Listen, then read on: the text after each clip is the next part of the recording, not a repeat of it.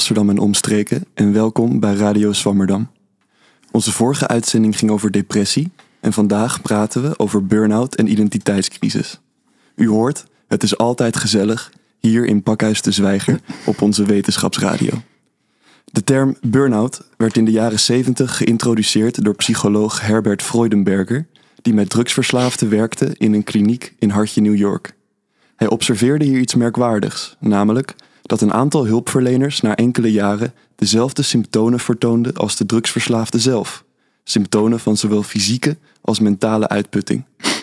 De term burn-out, die eigenlijk werd gebruikt om de ervaring van drugsverslaafde patiënten te beschrijven, gebruikte hij toen voor het eerst om uit te drukken dat iemand door zijn baan volledig uitgeput raakt. Nu, 50 jaar later, lijkt de burn-out zich vanuit deze New Yorkse kliniek verspreid te hebben als een olievlek of een ons allen welbekend virus. Het aantal mensen met een burn-out is sinds 2000 verdubbeld en vandaag de dag heeft 1 op de 8 werkende burn-out klachten. Mijn naam is Joost Ingenoes, mijn co-presentator is Teuntje van Heesen en in deze uitzending bespreken we het fenomeen burn-out vanuit een filosofisch perspectief met dokter in de wijsbegeerte Maarten Kolen. De heer Kolen geeft al sinds 1968 college aan de Universiteit van Amsterdam. Eerst als docent wiskunde, maar uiteindelijk uitsluitend in de filosofie, specifiek in de cultuurfilosofie. Een van de culturele fenomenen waar hij over doseert en schrijft is de burn-out. Hij geeft zelfs les aan leidinggevenden van bedrijven en overheidsinstellingen over burn-outs. Meneer Kolen, ontzettend fijn dat u hier bent. Welkom. Graag. Ja, doe het graag. Teuntje, ook van harte welkom. Teuntje, uh, jij bent lid van de studentenvakbond, de ASFA. Um, heb je het idee dat burn-out ook iets is dat momenteel onder studenten speelt? Um, ik zou zeggen ja. Ik, ik, denk dat we dat idee wel hebben. Um, we hebben met ASFA bijvoorbeeld ook onderzoek gedaan naar de uh, voorzieningen van de universiteit voor studenten met mentale gezondheidsproblematiek. En dan vooral de burn-out. En ik denk het feit uh, dat de universiteit hier uh, voorzieningen voor heeft, laat eigenlijk al zien dat er dus blijkbaar behoefte en vraag naar is. Ja. Ja, want ik las dat recent UvA-onderzoek aanwijst dat studenten zelfs relatief vaker last hebben van burn-out hm. dan de werkende populatie. Terwijl de GGZ stelt dat een leeftijd van boven de 50 een risicofactor is en zwijgt over jongeren en studenten. Dus er ontstaat al met al een iets wat verward beeld. En dat is niet vreemd gezien het feit dat de medische wereld er niet over uit is wat een burn-out precies is. Je kunt door de GGZ officieel gediagnosticeerd worden als burn-out, maar burn-out staat niet in het DSM-handboek, eh, de standaard in de psychiatrische diagnostiek. Ook de definities van burn-out lopen uiteen. De gemene deler van deze definities lijkt echter te zijn dat er een disbalans is tussen de mentale last die een persoon te dragen krijgt en de mentale draagkracht van deze persoon, ook wel stressweerbaarheidsgrens genoemd. Als de draaglast te zwaar is voor de draagkracht en deze situatie minimaal voor zes maanden aan klachten zorgt, spreekt de medische wereld over een burn-out. En meneer Kolen, hoe verklaart u deze worsteling van de medische wereld met de burn-out? Nou, ik, ik vind dat de medische wereld uh, wel heel goed beschrijft hoe men ziek kan zijn, maar ze begrijpen burn-out niet genoeg. Zij begrijpen het als een individueel psychisch probleem, hè? of een individuele psychische conditie. Dat draagkracht en draaglast niet met elkaar in overeenstemming zijn. Hè? Meer last dan kracht in dit geval. En iedereen moet dat voor zichzelf oplossen. Dus mij, ik heb niet zozeer moeite met. Uh, ik, ik begrijp niet zozeer hun problemen. Ik heb wel moeite met de wijze waarop zij uh, over burn-out kijken. Naar burn-out kijken, omdat ze eigenlijk alleen maar vanuit het individu, individu kijken en niet vanuit uh, het maatschappelijk fenomeen dat het inmiddels geworden is. Oké, dus volgens u moet het meer begrepen worden als een maatschappelijk meer breed gedragen probleem. En ik begreep, uit ons voorgesprek begreep ik dat u burn-out ook met identiteit verbindt. Um, wat is precies deze verbinding? Nou, laten we eerst nog even zeggen: het is dus volgens mij, burn-out is misschien een ziekte, maar niet alleen. Hè? Hmm. En je kunt niet op individueel niveau oplossen. En om dat te begrijpen, moeten we dan naar identiteit gaan en zien hoe identiteit in onze tijd gevormd wordt. Of hoe iemand een zelf heeft als hij zelf is. Hè? De Engelsen zeggen graag uh, hoe iemand een zelf heeft. Mm -hmm. Zeggen wij in Nederland niet zo, maar dat. Uh, um, en dat is het is zo dat wij in onze tijd onze identiteit zelf moeten eh, maken, voortbrengen. En je zegt, ja, dat denk je misschien, dat is altijd zo geweest, maar dat is volgens mij niet het geval. En dat, daar moeten we uh, naar kijken, hoe dat zich in loop van verschillende culturen, die onze, in onze Westen hebben afgespeeld, verschillende culturen, hoe dat dan veranderd is, die identiteit. Dus de manier waarop we identiteit voor onszelf moeten voortbrengen, is in deze tijd uniek en anders dan in anders voorgaande dan, culturen. Anders dan in voor de, voorgaande fase van onze westerse cultuur, zou ik maar even zeggen, voor het gemak. Hè? Eh, misschien ook wel een andere cultuur, maar laten we, laten we die even buiten beschouwing. Laten we alleen naar het westen kijken, waar we zelf in wonen. Helder. En wat is dat verschil dan precies? Nou, eh, om het heel, heel simpel te zeggen, dus natuurlijk een heel erg, uh, erg versimpelde vorm over te praten. Je kunt onderscheid maken tussen de traditionele vorm van identiteit. Hè? En uh, dan, dan, is het dus je, wat je bent, heb je dankzij de plaats in de gemeenschap. Hè? Dat, dat vind ik, dus plaats is daar het centrale kenmerk. En dat, dan is, dat is dus voor de moderne tijd. En de moderne tijd begint bij filosofen bij Descartes. Hè? Voor, dit, voor filosoof bij Descartes. En in de moderne, vorm van, van um, identiteit, dat is voor, bijvoorbeeld verbonden met je sociale positie. Werk. Of, je kon, vroeger had je dus de onderwijzers en die waren iemand dankzij het feit dat ze onderwijzer waren. Hè? En tegenwoordig kun je dat niet meer zeggen. Hè? Het, het stelt helemaal niks voor. En ik ben niet mee eens, maar zo wordt er naar gekeken. En dan de hoog, wat ik dan hoogmodern noem, dat is eigenlijk de, het, het einde, de, zeg maar, hoe de moderniteit zich ontwikkeld heeft. Hè. Hoogmodern is dan zoals het nu is. En dan moet je dus, uh, is dat, dat werkt allemaal niet meer. Je hebt geen plaats meer en je sociale positie telt niet. En dan moet je dus eigenlijk een, wat ik dan noem, een representatie van jezelf geven. En dat doe je in de vorm van een biografie. Je vertelt een verhaal over jezelf en dat, die biografie over jezelf, dat ben jij dan vervolgens. Hè? En, daar, en die biografie is precies het probleem, want die moeten we dan op een of andere manier ook steeds uh, vertellen en ook steeds uh, in staat zijn om die in, op gang te houden. Zoals ik het goed begrijp, stelt u dat in voorgaande culturen we onze identiteit aan iets externs kunnen ontlenen? Ja. U maakt daar een onderscheid in tussen uh, traditioneel en, waarin ja. identiteit een, een, plaats heeft. Ja.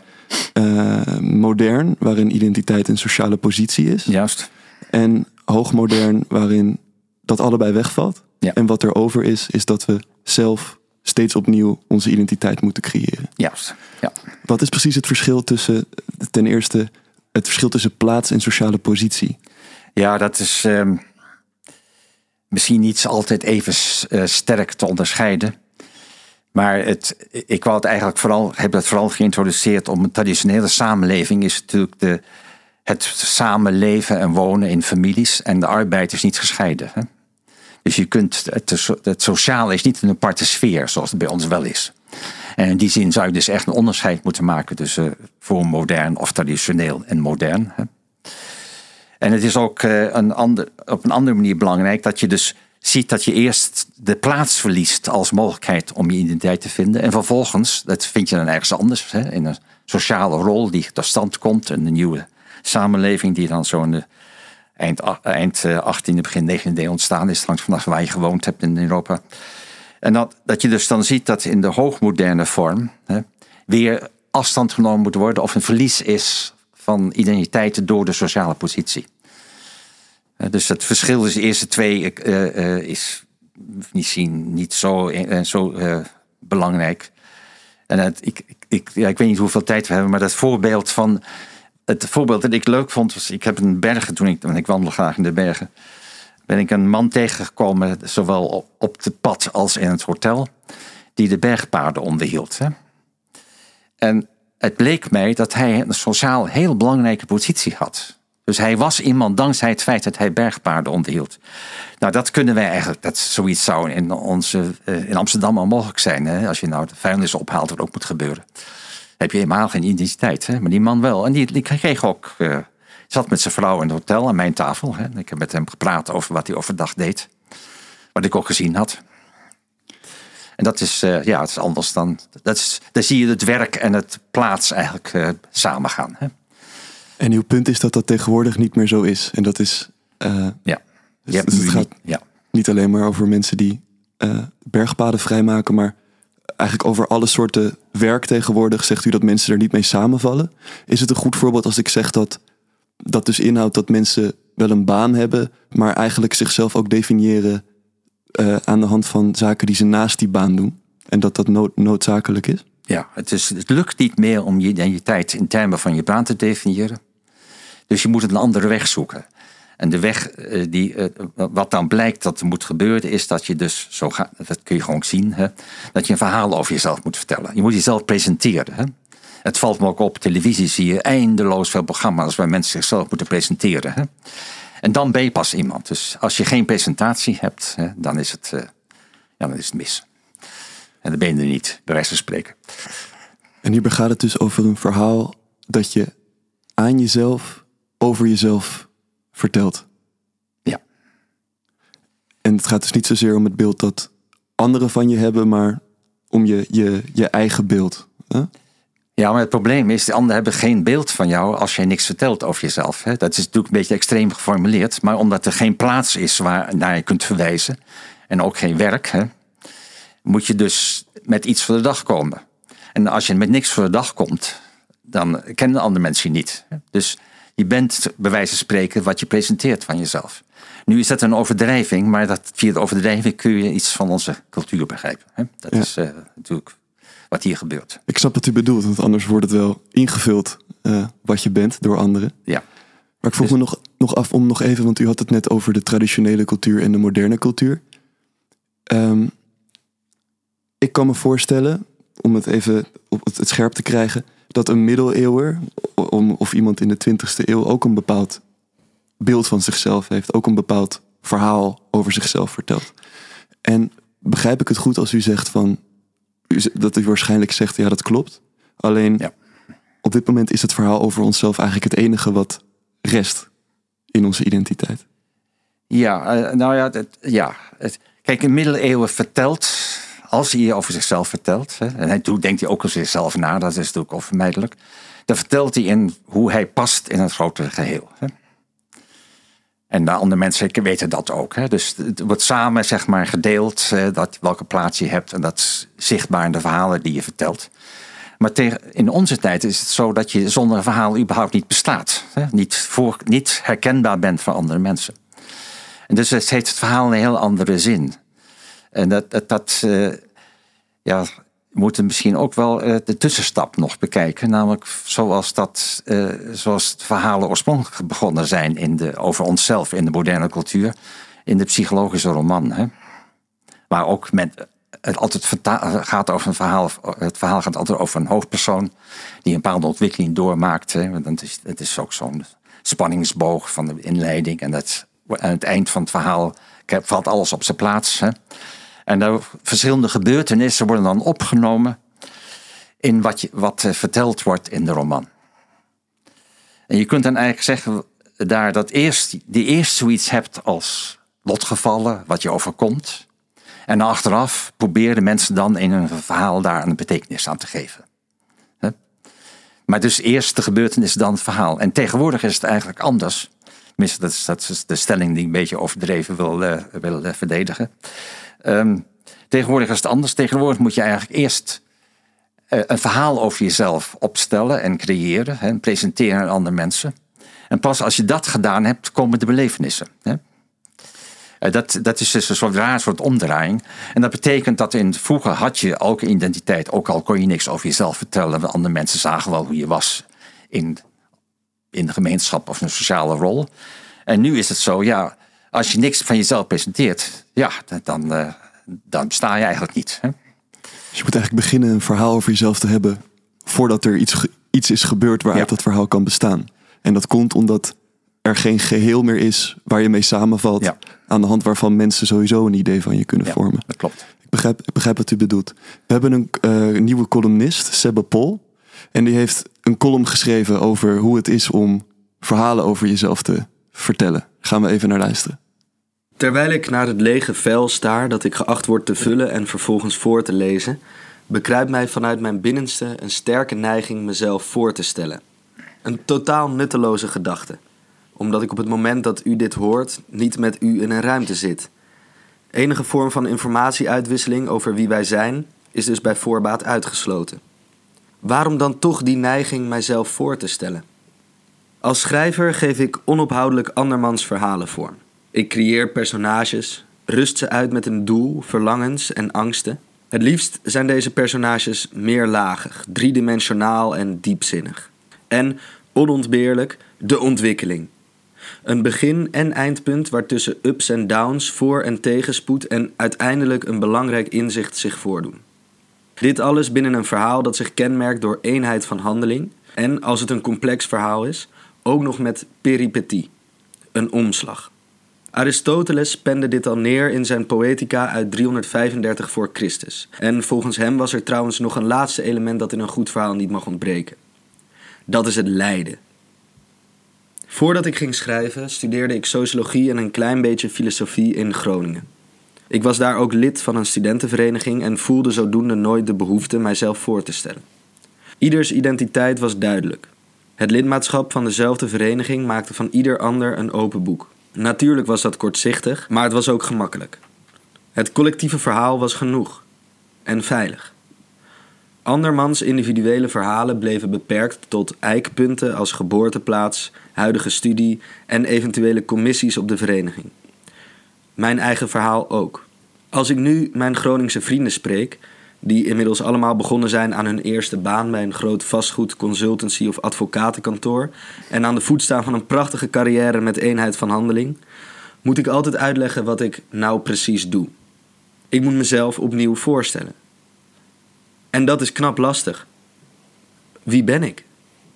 Er is geen collectieve identiteit meer die ik deel met mijn verenigingsvrienden en met het schrijver zijn, zijn zij onbekend. Daar kom ik dus niet mee weg. Sinds ik weet dat ik stage ga lopen op de redactie van Donald Duck Weekblad, gooi ik dat stripverhaal vaak in de strijd. Beginnen in mei, eindigen in juli en ondertussen hopelijk een boel geleerd. Een duidelijk lineair verhaal met een ontwikkeling voor de protagonist. Dat ben ik zelf dus. Maar mijn verenigingsvrienden zijn niet op hun achterhoofd gevallen en laten zich niet afschepen met zo'n simpel verhaal. Dus afgelopen weekend, na een beetje doorvragen en een beetje bier, liet ik mij toch verleiden mijn identiteit te verpakken in een groter, complex narratief. Ikzelf als echte schrijver, meerlagig, driedimensionaal en diepzinnig. Eenheid van handelen, proberen rond te komen. Huidige stand van zaken, onsuccesvol. Omslag moet nog komen. Mijn vrienden keken mij met grote ogen aan. Heb jij het dan niet enorm zwaar? En zo gleed het allerbelangrijkste element mijn verhaal in: het lijden. Mijn zelfnarratief was dusdanig goed opgebouwd dat mijn publiek zich volledig kon verplaatsen in de protagonist. De rest van de avond hoefde ik dan ook geen biertje meer te betalen. Kan ik me hier nog aan iemand voorstellen? Ja, meneer Kolen, de columnist heeft het, zei het licht schertsend, over het vertellen van verhalen over jezelf alsof je een romanpersonage bent. U noemde net de psychologische roman ook al even. Heeft dat verhalen vertellen over jezelf, ik geloof dat u het zelf narrativiteit noemt, inderdaad een soort romanstructuur? Nou, wat de columnist naar voren brengt is hoe zeg maar, in het begin van de moderne tijd gesproken werd over de vormen van een eigen identiteit. En dat gebeurde dan de vorm van een roman. We moeten beseffen, de romans bestonden niet in de middeleeuwen. Men denkt altijd dat alle verhalen altijd dezelfde structuur hebben gehad. Maar de roman is een typisch modern verschijnsel. Hè? Dus na de verlichting en met de romantiek ontstaan. En dat, het geeft dus aan een, een ontwikkeling van een individu in al zijn verwikkelingen en lotgevallen en wat hem noodlottig overkomt. Hè. En er moet dan, dat zijn allemaal toevallige gebeurtenissen, en die moeten dan op een of andere manier in een eenheid worden gebracht. Hè.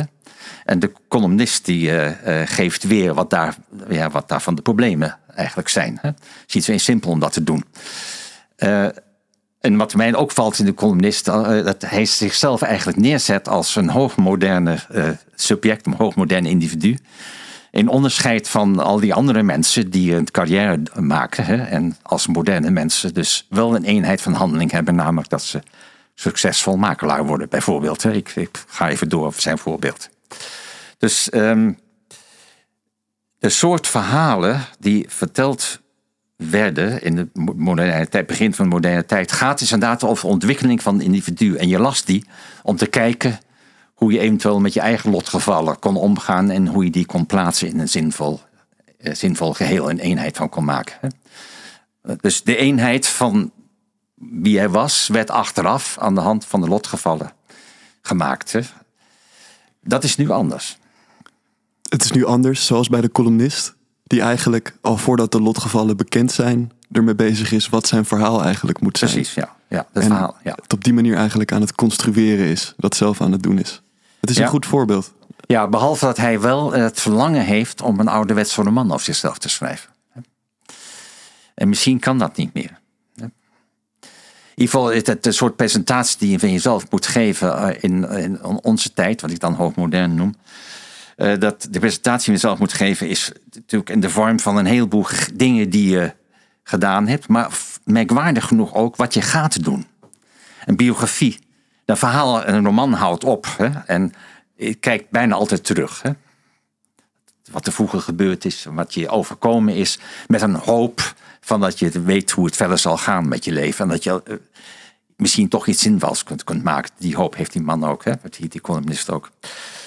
Ehm, en dat is nu eigenlijk anders. Hè. Nu is het zo dat je als eigenlijk je verhaal al moet vooruitlopen op je toekomst. Want anders heb je geen toekomst. Dus je construeert je toekomst voordat die gebeurt, bij wijze van spreken. Hè.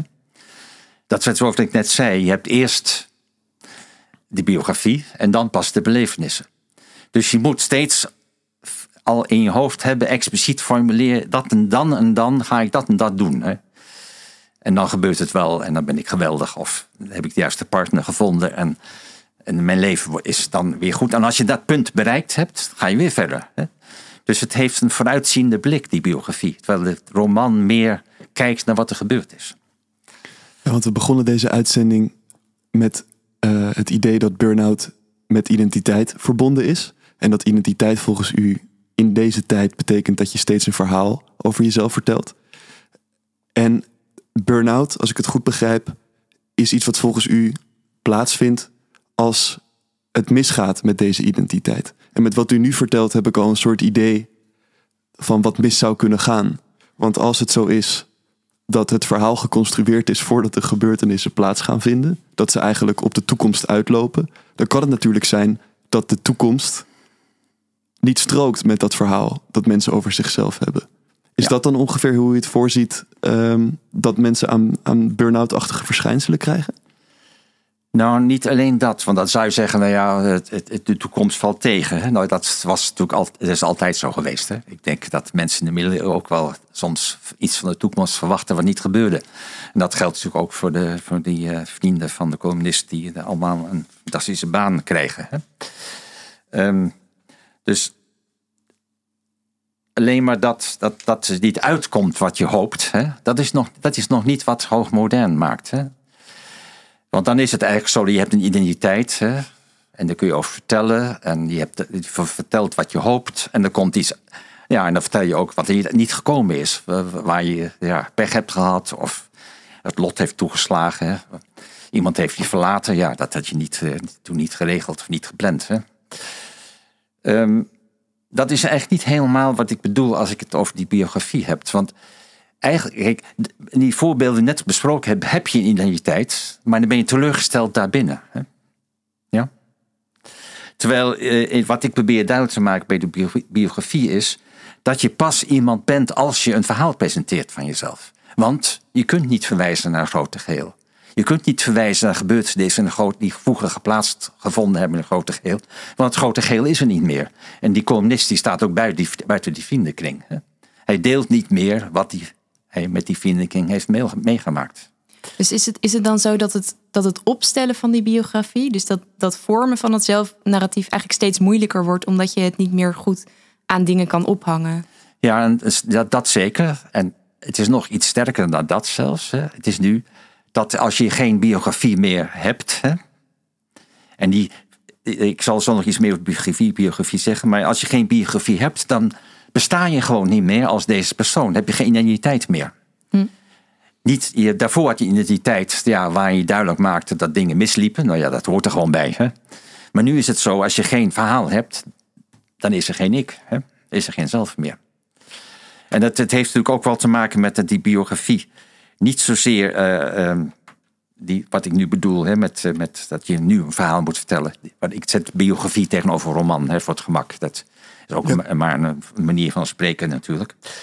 Um, die biografie, die, um, ja, daarin moet je formuleren uh, hoe je bent en hoe je met de toekomst zult omgaan. Terwijl in de roman beschrijf je wat je hebt meegemaakt en welk hoop je nog hebt. Hè? Hm. Dus, en daar besta je dus in ieder geval, één tot teleurgesteld, hier besta je gewoon niet meer met die als je geen biografie hebt. Dus zonder biografie ben je er niet. En we hebben dus de merkwaardige last op onze schouders gekregen dat we pas iemand zijn als we in staat zijn om de biografie over onszelf op gang te blijven houden. En dat is dus een permanente eis. Het is niet alleen maar moeilijk, hè, maar het is een halszaak geworden om biografie te hebben. Hè. Zonder dat zijn we niet meer. En het krijgen van burn-out verschijnselen, is dat iets wat optreedt op het moment dat mensen niet meer in staat zijn om een verhaal over zichzelf te vertellen? Of is het bijvoorbeeld een gevolg van vermoeidheid ten gevolge aan deze uh, continue eis om een verhaal over jezelf te hebben? Nou ik, ik, ik, ik praat niet zo graag in de oorzaken en gevolgen. Dat, uh, in dit geval, daar valt van alles over te zeggen. En de psychologen moeten maar aangeven wat voor factoren er zijn die eventueel uh, toe leiden dat je burn-out kunt krijgen. Um, maar kijk, het, het, als het waar is wat ik zeg van die biografie, dan moet je ook afvragen wat er gebeurt als je geen biografie hebt. En dan ben je dus niet, hè, is mijn stelling. Hè. Dan heb je geen identiteit meer en dan kun je niet presenteren en dan, ja, dan verdwijn je uit, ja, uit zicht, hè, letterlijk. Hè. Um, dus heel uit, hele identiteit valt uiteen. En ik zou dus eerder zeggen, daarin dan blijkt dat je opgebrand bent. Of hè, dat je in de eigenlijk zin van het woord opgebrand of uitgebrand. En, en dat het dus je hele. Dat je gewoon niet meer in staat bent om überhaupt met een identiteit naar voren te komen, tevoorschijn te treden. Hè? En dat is dan wat ik essentiële vermoeidheid noem. Dus ik zou niet zeggen dat de vermoeidheid oorzaak is van burn-out, maar in burn-out blijkt dat je uh, op een essentiële wijze vermoeid bent. En dat kun je zonder dit, mijn gedachtegangen over biografie, kun je eigenlijk helemaal niet zeggen. En psychologen kunnen dit dus ook niet zeggen als ze niet met zo'n soort gedachten meegaan. meegaan hè? Dus in die zin is burn-out in zekere zin een identiteitscrisis. Ja. Of het toont, of misschien is het het niet helemaal, maar het toont een onderliggende identiteitscrisis aan. Nou ja, ik zou eerder zeggen ehm, dat hier in, bij burn-out blijkt dus hè, dat het gaat om een crisis van je eigen identiteit. En niet om vermoeidheid of teleurstelling of weet ik wat. Hè. En ik, je, kunt dat ook verbinden met de, met de vragen naar de zin van, van, ja, van wat je in je leven doet. Of zoals filosofen het graag zeggen, wat, wat het goede leven is. Hè? Wat goed, een goede manier van leven is. En natuurlijk hangen die drie samen. Identiteit en de vraag naar zin. Wat je, of het dan zinvol is wat je doet of niet. En je ideeën over wat een goed leven is, die hangen natuurlijk samen. Je kunt dat niet los van elkaar trekken. Dus als ik identiteit zeg, moet ik dat hele pakket eigenlijk. En ja, daar heb je geen antwoord meer op. Hè? En dan weet je dus niet wie je bent. Terwijl vroeger was het zo, ja, ik weet wel wie ik ben, maar ik, ik ben teleurgesteld. Hè? Ik had een bepaalde plaats in de gemeenschap nu uitgegooid. Hè? En dan moet ik een nieuwe plaats vinden. Maar ik zoek nog steeds een plaats in de gemeenschap. Maar dat, die vorm, dus de vorm van identiteit is veranderd in onze tijd. Ja, want ik, ik had daar nog wel e-, één vraag over. Om, omdat u dus eerst stelde van... Uh, je, je kan dat niet meer zo goed ophangen aan je baan, die identiteit. Terwijl je toch ook wel geluiden hoort van mensen die zeggen... Uh, identiteit gaat juist heel erg afhangen van mensen in hun werk. Ik heb best vaak dat ik aan vrienden vraag: uh, hoe gaat het met je? En dat ze dan vertellen hoe het gaat op hun werk. Uh, ja. Dus ik, ik had eigenlijk een beetje het, een tegenovergesteld idee daarvan. Ja, kijk, het, het, het, werk kan op twee manieren spelen. Je kunt dus gewoon een bepaalde sociale plaats hebben. En op grond daarvan op een heel vanzelfsprekende manier identiteit ontlenen aan die plaats. Iedereen weet wie je bent. Hè? Dat is het onderwijs in het dorp en zo. Hè? En dat is een manier waar werk een rol kan spelen. Dat geldt ook voor gewoontes, tradities. Hè? Dat, vroeger was het zo dat je een identiteit had door de plaats in de gemeenschap. En dat, eh, ik moet erbij zeggen, deze vormen komen nog wel voor, uiteraard, in onze cultuur. Maar ik, ik heb me vooral de aandacht gericht op het zeggen, de meest extreme vorm van, van nu. Hè? Um, natuurlijk hebben we het nog wel over werk, maar werk en ook gewoontes en, wat je, en ook vriendschap worden nu allemaal elementen in, in die biografie. En je kunt dus niet aan die elementen zonder meer identiteit ontlenen. Je moet over je werk vertellen. En jij zult waarschijnlijk dan aan die mensen vragen: ja, maar waarom doe je dat werk? En die columnist, ja, die, uh, die zet wat vraagtekens bij de uh, loopbanen van zijn uh, gewezen vrienden. Hè? Dus met de vraag of je dat wel zinvol is. Dus het is niet meer vanzelfsprekend. Het is een onderdeel van een verhaal. Maar het verhaal moet je wel maken. Dus je moet uitleggen waarom je dat doet. Ja. Het is, ja, dat is misschien een raar voorbeeld, maar ik heb ooit eens, ik, ik ga wel eens met studenten naar het café na afloop eh, van colleges nu en dan. En er was, gingen ze vertellen wat ze gingen doen, wat ze deden. Hè? Min of meer, dat je dacht, ik vroeg gewoon, wat doe je nou? En dan vertellen ze dat. En dan vertelde dus een jongen ehm, dat hij aan bungee jumpen deed. Mm Vind ik dat een heel merkwaardige, uh, heel merk, merkwaardige hobby. Dus ik vroeg hem, maar vind je dat leuk? En toen zei hij, nee, dat vind ik helemaal niet leuk.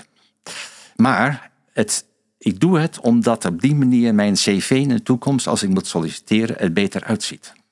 Ja. Dat vind ik nou typisch zo'n toekomstgerichtheid. Hè? Dat je, je bent bezig biografie te construeren opdat het in een bepaalde toekomst zal komen. Ja. Dat kun je in een psychologische man niet zo zeggen. Dat, ja, ook dan heeft die persoon wel eens verwachtingen wat er later zal gebeuren. Maar het, hele verhaal, of de hele roman, uh, schetst die totale spanningsboog. Hè? En het is nu een zeker soort afsluiting gekomen even. Maar hier is het zo dat je dus allemaal op einde creëert. En dus, maar de bungee jump is, je bent niet... Het bungee jumpen, je, je, het is een element in een verhaal over jezelf. Hè? En zo zoek je naar allerlei... Uh, ja, je moet allerlei dingen hebben meegemaakt. En die, die, die staan dan goed. Ik vond dat dus, uh, toen dacht ik, nou, dit is, die theorie van mij is nog niet zo gek. Toen met dit absurde voorbeeld, want ik vind het wel absurd hoor, die, die student daarmee aankwam. Ja, het is geen recept om er echt van te gaan genieten. Het maakt alles instrument, instrumenteel. Het was een bedoeling ook niet. Hè? Nee. Ik vind het wel interessant om dit nog even scherp te krijgen voordat we naar het volgende onderwerp uh, overgaan. Dus het gangbare beeld van burn-out. Um, in het gangbare beeld van burn-out associeer ik burn-out met workaholics, met mensen die uh, eigenlijk een teveel aan stress hebben. En de conclusie hier is eigenlijk dat u sluit niet uit dat het met stress te maken heeft, maar het heeft er eigenlijk mee te maken met dat die mensen geen identiteit meer kunnen ontlenen aan hun werk. Ik zie het wellicht zo voor me um, dat mensen die heel veel werken dan niet zozeer um, dat het niet zozeer gaat om de stress die het ze oplevert, maar meer om het feit dat ze zich uitsluitend nog bezighouden met iets waar ze zich niet mee kunnen identificeren. Mhm. Dus mensen die volle werkweken draaien, die gaan naar bed om de dag daarna weer, weer door te werken. En als die mensen hun identiteit er niet aan kunnen ontlenen, dan zou volgens uw theorie het logisch zijn um, dat ze in de problematiek komen uh, ja. omtrent het beeld dat ze van zichzelf hebben. Ja. Dus op die manier kan dat misschien begrepen worden waarom het dan toch, waarom het dan toch geïnterpreteerd wordt als een soort workaholic-achtige aandoening. Nou ja, ik, ik heb, was, uh, wat ik ook heel interessant vond, uh, was een, een, column van Marcel Levy, deze bekende ziekenhuisdirecteur uit Londen, die nu hier de NWO voorzit. En die, die had het ook over de uitzonderlijke werkdruk van de verpleging in de coronatijd. Nou ja, dat weet, weet iedereen alles van. En het, het interessante was, daar wees hij op, en ik zal het even doen alsof ik dat zelf gezien heb. Um, het interessante is dat die mensen die die verpleging uh, zich natuurlijk ontzettend hard gewerkt hebben, maar geen burn-out kregen. Totdat het moment, moment daar kwam dat weer het, het, werk minder zinvol werd en ze minder gewaardeerd werden om het werk. Dus het werk de zin verloor. Hè? Dus natuurlijk, zonder uh, overbelasting zal er misschien geen burn-out ontstaan. Hè? Maar wat tot uitdrukking komt, is hier niet zozeer ik ben overwerkt, want dat is gewoon een vermoeidheidstoestand, maar wat ik doe heeft geen zin meer. En dat leidt dan tot identiteitscrisis, zinvraag. Dat zinvraag wat ik net uh, ook ter sprake gebracht heb. En een goed leven waarin je toch ja, iets wilt betekenen hè? In, in de samenleving. U heeft dus een andere interpretatie van burn-out dan dat het louter een tegenstelling is tussen werklast en draagkracht. Ja. Wat zou volgens uw oplossing in de lijn van uw theorie volgens u een oplossing kunnen zijn voor deze burn-out problematiek? Nou ja, om te beginnen hè, is de vraag of daar een oplossing is. Hè. Dat, uh, dat is natuurlijk. Uh, wat, wat, wat we dus onder, onder ogen moeten zien. Um, en überhaupt het idee van naar een oplossing uh, van burn-out of wat, van die symptomen. Hè, dat is dat je eigenlijk al niet voldoende begrijpt dat burn-out begrepen moet worden vanuit een verlies aan zin, aan een identiteitscrisis. Hè? In de eigenlijke zin van het woord, dus de meest extreme zin van het woord. Dus niet een deel van je leven is aan de orde. Hè? Of een deel van je leven gaat niet goed, maar alles gaat mis. Hè? Het hele bestaan zit op het spel. Hè? Um, ik ben even, even te kwaad. Maar kun je de vraag nog een keer halen? Sorry. Dat, uh... dat maakt niet uit. De vraag ging, ging over hoe u in lijn met uw, met uw these hierover... Uh, hoe we tot een oplossing zouden kunnen komen. Oh ja. En u zei, u zei eigenlijk net dat het erom gaat dat we ten eerste in moeten zien... dat het dus te maken heeft met een absolute identiteitscrisis. Ja. En dat er dus niet zomaar ook een oplossing voor te vinden is. Hè? Een van de, ja, dit zijn van die grapjes die filosofen dan hebben. Die zeggen, bijvoorbeeld, die zeggen dan dat over problemen die mensen kunnen hebben in hun leven, hè, of problemen die de mensheid kan hebben. Er zijn problemen die je kunt oplossen en de problemen die je moet uithouden. Hè. Uh,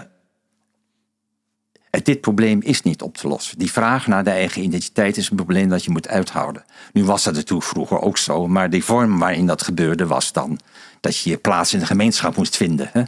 Of je moest je werk goed doen. Hè? En als de onderwijzer vroeger een identiteitscrisis kreeg, dan probeerde die beter onderwijzer te worden. Hè? Dat was natuurlijk wat, wat aan de hand is. En wij moeten dus hè, op een manier zien uit te houden dat het niet meer vanzelfsprekend is uh, waaraan we onze identiteit kunnen ontlenen. Hè? En dat, daar is geen oplossing voor, maar het moet uitgehouden worden. Dus qua identiteit kunnen we geen rustpunt meer vinden in iets dat extern aan ons is. Nee. En dus moeten we proberen om te gaan met het feit dat er geen rust is. Ja. Hoe heeft u een manier waarop u dat voor, voor u ziet? Ja, dat is uh, natuurlijk een van de moeilijkste uh, aspecten van wat ik uh, wil vertellen. Hè. Um, misschien moeten we nog tegenover elkaar plaatsen, als het mag. Ja. wat ik dan modern heb genoemd, waar de psychologische man bij hoort, als je het over narratieve identiteit hebt. En hoogmodern, wat ik de, de biografie verbonden heb. Hè. En wat er in een roman gebeurt, is dat uiteindelijk dat uh, toevallige of contingente gebeurtenissen, hè, die worden uiteindelijk in een noodzakelijk verband geplaatst. Noodzakelijk vanuit de betekenis gezien. Hè. Mensen, je bent iemand tegengekomen, en, eh, je huidige geliefde bijvoorbeeld. Ja, dat is puur toevallig dat je tegengekomen bent. Hè. Je kunt ook altijd nog anderen kunnen tegenkomen. Maar je kunt niet blijven volhouden de rest van je leven dat het toevallig is dat je bij elkaar blijft. Hè, bij elkaar bent. Dat zal de geliefd niet erg appreciëren. Dus contingente uh, gebeurtenissen krijgen een noodzakelijke betekenis. Hè, die je ook voor je rekening neemt. Nu is het eigenlijk anders. Hè. Nu is het zo dat je eigenlijk jezelf ziet in een soort traject door de ruimte of door ruimte en tijd. Hè je ziet dat soort ontwikkeling, die dat weg aan het afleggen bent. En je probeert in je biografie die weg te schetsen zoals die geweest is en zoals die in de toekomst zal zijn. Ehm, dat eerste, hè, die roman, ja, zo kunnen we niet meer over onszelf denken. Ook al zouden we dat graag willen. Hè. Het tweede is dat we dus die dus we moeten op een of andere manier zien uit te houden dat we steeds bezig zijn om een toekomst te ontwerpen. Hoe we dus om zullen gaan hè, met datgene uh, wat uh, als zal gebeuren. En het heeft nog iets met iets anders te maken. Hè. Een, een romanheld, hem treft het lot. Hè, vaak, hè. Anders dan is die roman niet interessant. Dus het lot bestaat in onze tijd niet. Nou zeg ik niet dat dat zo is, hè, maar ik, ik zeg, wij begrijpen onszelf zo dat als er iets gebeurt, het niet het lot is dat toegeslaagt, maar dat we onszelf te danken hebben, omdat we niet voldoende ons best gedaan hebben om het verhaal tot zijn geheel, het verhaal eh, verder te vertellen. En dat is natuurlijk een hele andere positie. En we moeten dat zien uit te houden. Dat, is de, dat we steeds weer een verhaal moeten maken en dat het eigenlijk niet tot een afsluiting kan komen. Of alleen maar voorlopig. Um, en als ik even mag ja, onderbreken. Ja, natuurlijk. Ja, ga je gang.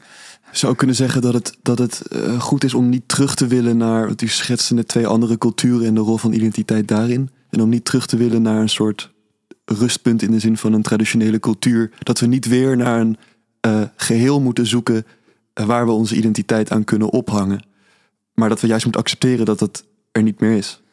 Ja, en waar moeten we dat doen als we, kijk, als we die als we terugverlangen naar een traditionele samenleving waar we plaats hebben. Hè, dat, nou ja, goed, dit, dat soort niches bestaan ook nog wel in onze samenleving. Hè, dan is het dat je dus natuurlijk ja, eigenlijk van de last wil worden bevrijd. Dat het nodig is dat je identiteit tot stand brengt. Hè.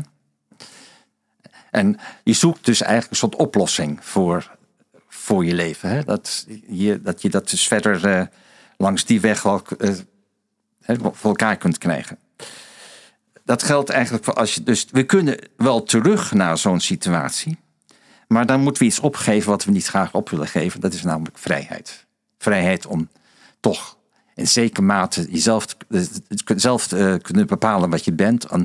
of dat je tot uitdrukking wil brengen wie je bent en wat je doet. Hè? En niet dat wie je identiteit afhangt van uitwendige omstandigheden. Want het heeft wel iets aantrekkelijks om een groter geheel te zijn waar een deel van bent. Maar het nadeel is natuurlijk, of het minder aantrekkelijke voor ons moderne mensen is, dat je niet zomaar je eigen weg kunt kiezen. Dus ja, het kan wel misschien naar vroeger, maar dan het, zo'n oplossing gevonden worden. Maar dan, dan moeten we opgeven onze vrijheid zoals we nu kennen. En dat geldt in zekere zin ook als we terug willen naar die situatie waarin uh, de identiteit samenhangt met je rol in het arbeidsbestel. Ja? Um,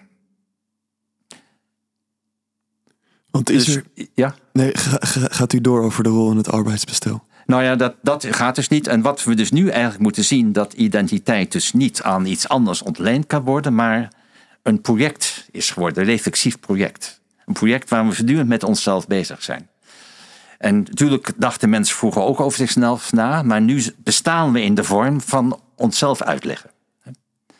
Dus ik ben, hè, in zover ik mezelf uitleg. Ja, het is een beetje bizar om dat te zeggen, maar en nog, dat zeg ik weer, ja, of dat waar is of niet, daar zegt een cultuurfilosoof nooit iets over.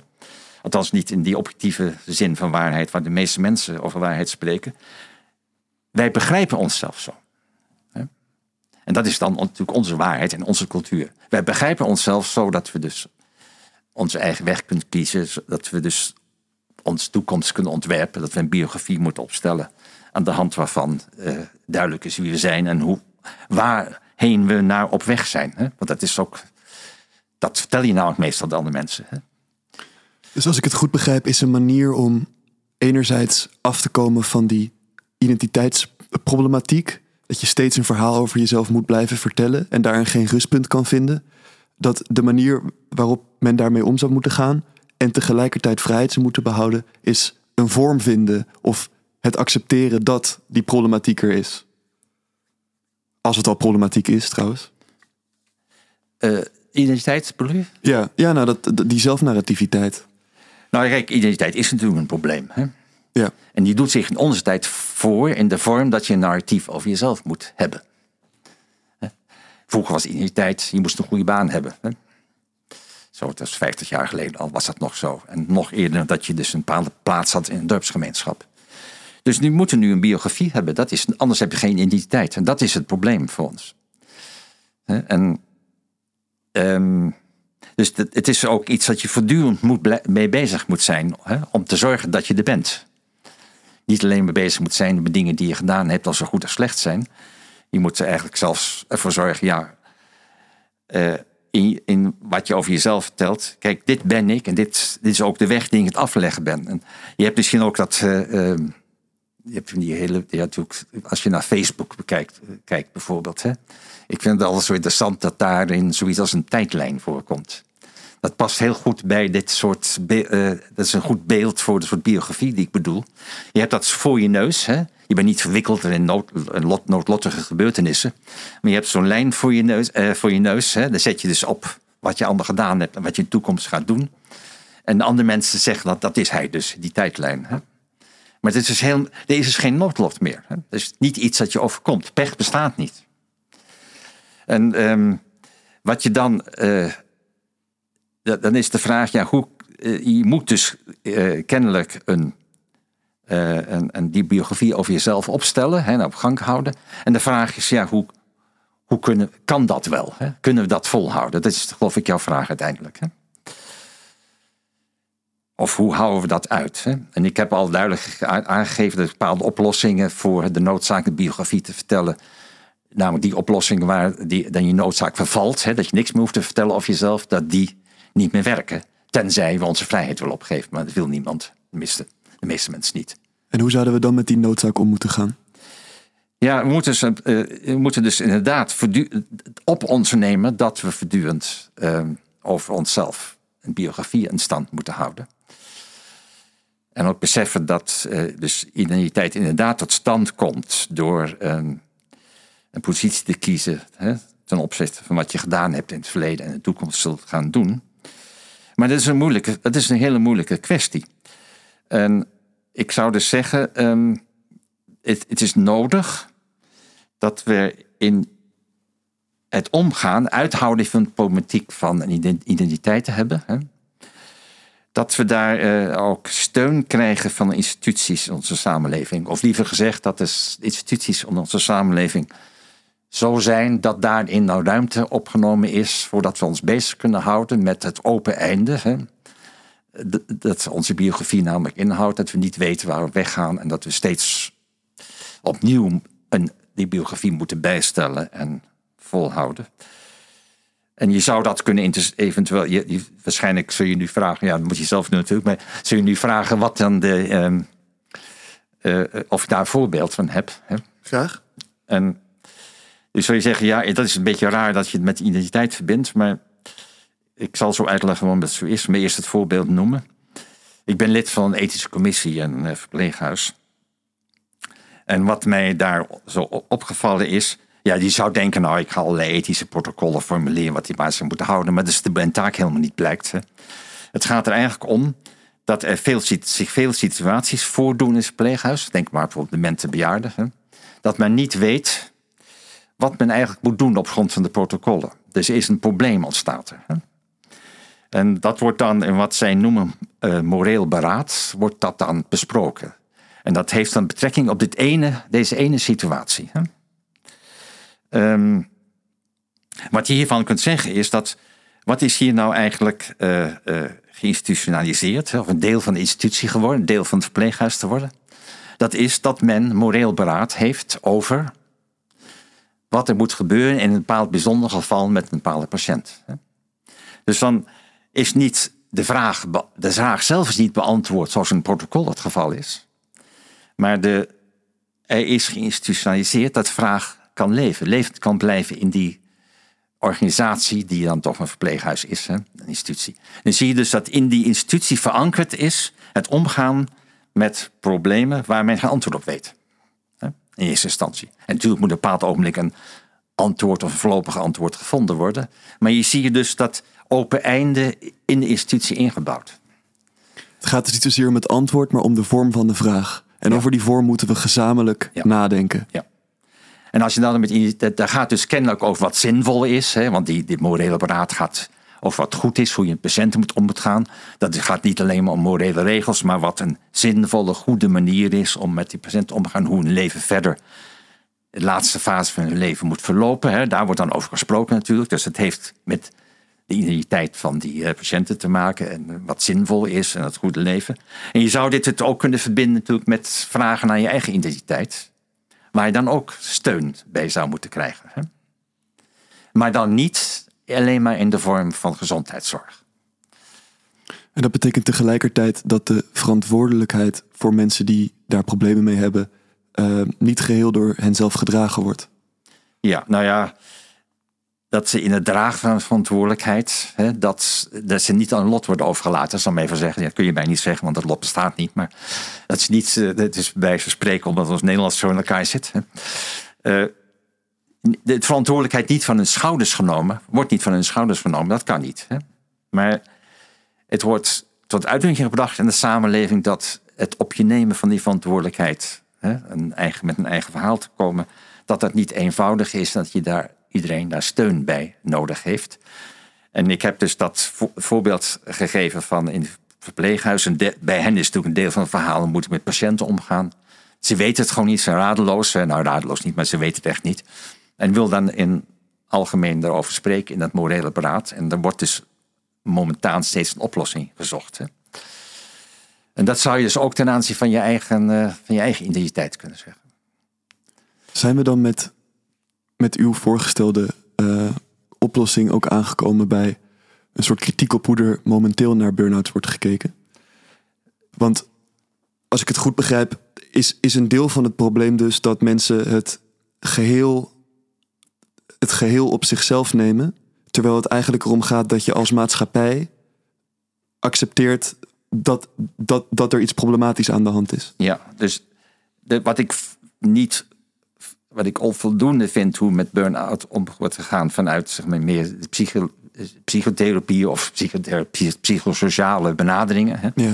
Dat is dat men het een individueel probleem maakt dat ook individueel opgelost moet worden. Hè? Het is, het is gewoon een ziekte. Je hebt bepaalde symptomen en je moet dan weer van die ziekte genezen. En dat heeft, terwijl in mijn verhaal is het zo dat burn-out het uitdrukking brengt de specifieke situatie waarin het moderne individu terechtgekomen is. En het is dus geen, in dat opzicht is het geen ziekte. Of je, laten we in ieder geval zo zeggen dat in onze tijd je, eh, eh, heb je die ziekte natuurlijk in de vorm van een burn-out. Vroeger was het anders. Hè? Dan werd je uit de gemeenschap gestoten. Dat was ook niet leuk. Um, ja, ik ben echt. Ik, wat, ik nou, even kwijt nog wat ik. Uh, nou, we hebben het over hoe de, hoe, de, hoe de psychologie of psychotherapie oh op dit moment omgaan. Dus ik zou zeggen, het is dus geen individueel ziekteprobleem, in ziektegeval. En je moet dus burn-out zien als iets dat structureel hoort bij de, onze samenleving. Hoe wij dat georganiseerd hebben. En dat zijn dus allerlei dingen die toegenoemd worden als flexwerk enzovoort. Ja, flexwerk is ook een voorbeeld, bijvoorbeeld, ook een voorbeeld waarin duidelijk wordt dat um, dat je in de tijd niet meer aan je werk kan ontlenen, want eh, overmorgen heb je die werk niet meer. En het is zelfs een verkeerde strategie in zekere zin om je in de tijd aan je werk te ontlenen, want morgen heb je het werk niet meer en moet je, dan ben je niks meer. Dus je moet dat een element van je werk laten zijn. Je moet voortdurend praten over hoe je verder gaat. Dat morele beraad, wat ik net over had in het verpleeghuis, over het leven van de bejaarden. Ik zou zeggen, de morele beraad moet je eigenlijk ook voortdurend over jezelf houden. Van, en moreel wordt hier niet bedoeld in wat is een goed leven en niet wat is normatief juist. Hè? Wat je als een goed leven acht, daar moet je het over hebben. En daar wil je met andere mensen over spreken. Dus mensen spreken nu over, met elkaar over die biografie die ze aan het opstellen zijn. En ze spreken niet alleen maar nog over hun werk van vroeger. Hè? Of het werk dat ze doen.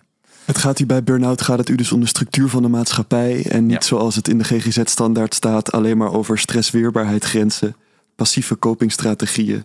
En niet mee kunnen komen met de maatschappij door toenemende complexiteit. Dat staat er letterlijk in. Ja, dat niet mee kunnen komen in de samenleving toenemende complexiteit. Hè? Daar heb ik een interpretatie van gegeven. Ja. De complexiteit blijkt hè, dat uh, die doet zich voor in ons leven. Uh, in die zin, en dat, en dat verschijnsel dus dat wij een eigen biografie moeten opstellen. En daar, daar blijkt dus hoe ingewikkeld de samenleving is. Hè? En dat is dus wat van ons verwacht wordt. En dat staat dus dan daar, ja, als je dat niet kunt, ben je ziek. Ja, dat kun je wel zeggen. Maar dan is, moet, eh, is de therapie uh, moet je dan toepassen op iedereen. Hè? Dan wordt het echt alleen maar bij de patiënt gelegd. Ja. En ik vroeg me af, want het deed me nog een beetje denken aan... Want u had het net al, het is een ziekte van onze tijd. Is, is het burn-out vandaag de dag vergelijkbaar met een zenuwinzinking in de 20e eeuw? Ja, ja, dat is wel leuk hè, met Thomas Mann ja, in die tijd. Of met hysterie in de 19e eeuw? Is dit echt de ziekte van onze maatschappij? Nou ja, kijk, de, de vraag is: het interessante is natuurlijk dat niemand nog zal zeggen dat je nu een zwakke zenuwen hebt uh, als je ziek bent. Dat zou, van die mensen kunnen nauwelijks voorstellen dat het een ziekte is. En hysterie wordt natuurlijk ook niet meer begrepen als ziekte. Dus wat je eigenlijk kunt zeggen, dat is bepaalde soorten problematieken blijken in verschillende culturen op een verschillende manier. Uh, en de hysterie hoort natuurlijk bij de bepaalde onderdrukkende samenlevingen aan het eind van de 19e eeuw. Hè. Freud is daar dan een groot voorbeeld van om daar iets mee te doen. En die, die, dat, uh, het andere voorbeeld van die, die zwakke zenuwen, hè, dat was de tijd van Thomas Mann. En dat, dat, dat, dat kun je ook niet meer zeggen op dit moment. Nee. Bij, bij, ons, ons, bij ons drukt het problematiek, de ziekte, nou ja, de ziekte die bij ons problematiek hoort, hè, is burn-out. En de psychologen isoleer dat te veel van het feit dat het ook een uitdrukking is van onze maatschappelijke conditie. In hoeverre bent u dan kritisch op de psychologie? Of in hoeverre moet het begrepen worden dat u het gewoon vanuit een andere hoek, begrijpt? Hoek begrijpt hè? U bent cultuurfilosoof. Ehm, Ja, ik, zou, ik, ik, vind, het, het, ik vind het cultuurverschijnsel. Hè? Dus het is niet voldoende om als een ziekte te zien, dan kom je er nooit uit. En het is ook niet iets individueels. Als iemand moeite heeft zijn biografie op te stellen en burn-out, laat het iets zien over de structuur van onze samenleving. dat is het begin van de oplossing. En ik hoor ondertussen de eindtune spelen. Dat betekent dat we alweer aan het einde zijn gekomen van deze uitzending van Radio Zwammerdam over burn-out en identiteitscrisis. Ik wil Maarten Kolen graag enorm bedanken voor zijn tijd en expertise. Ik wil ook graag Teuntje bedanken. Zij was de co-presentator van deze uitzending. De techniek was in handen van Thomas Verhagen. Aan hem ook veel dank. Reageren op deze uitzending kan op Facebook, Instagram of Twitter. Volg ons daar ook vooral, dat vinden we leuk. U kunt ons ook ouderwets, boos of blij mailen via redactie.radioswammerdam.nl. Volgende week zondag is Radio Zwammerdam weer te beluisteren tussen 11 en 12 op Radio Salto. En de uitzending, uitzending zal gaan over, zowaar, een vrolijk onderwerp. Wijn. Als je uitzendingen wilt terugluisteren, dan kan dat via je favoriete podcastkanaal, namelijk via Spotify, iTunes of Soundcloud. En neem een kijkje op onze website radioswammerdam.nl. Dit was Radio Zwammerdam. Bedankt voor het luisteren. Hopelijk tot volgende week. En voor nu een fijne zondag.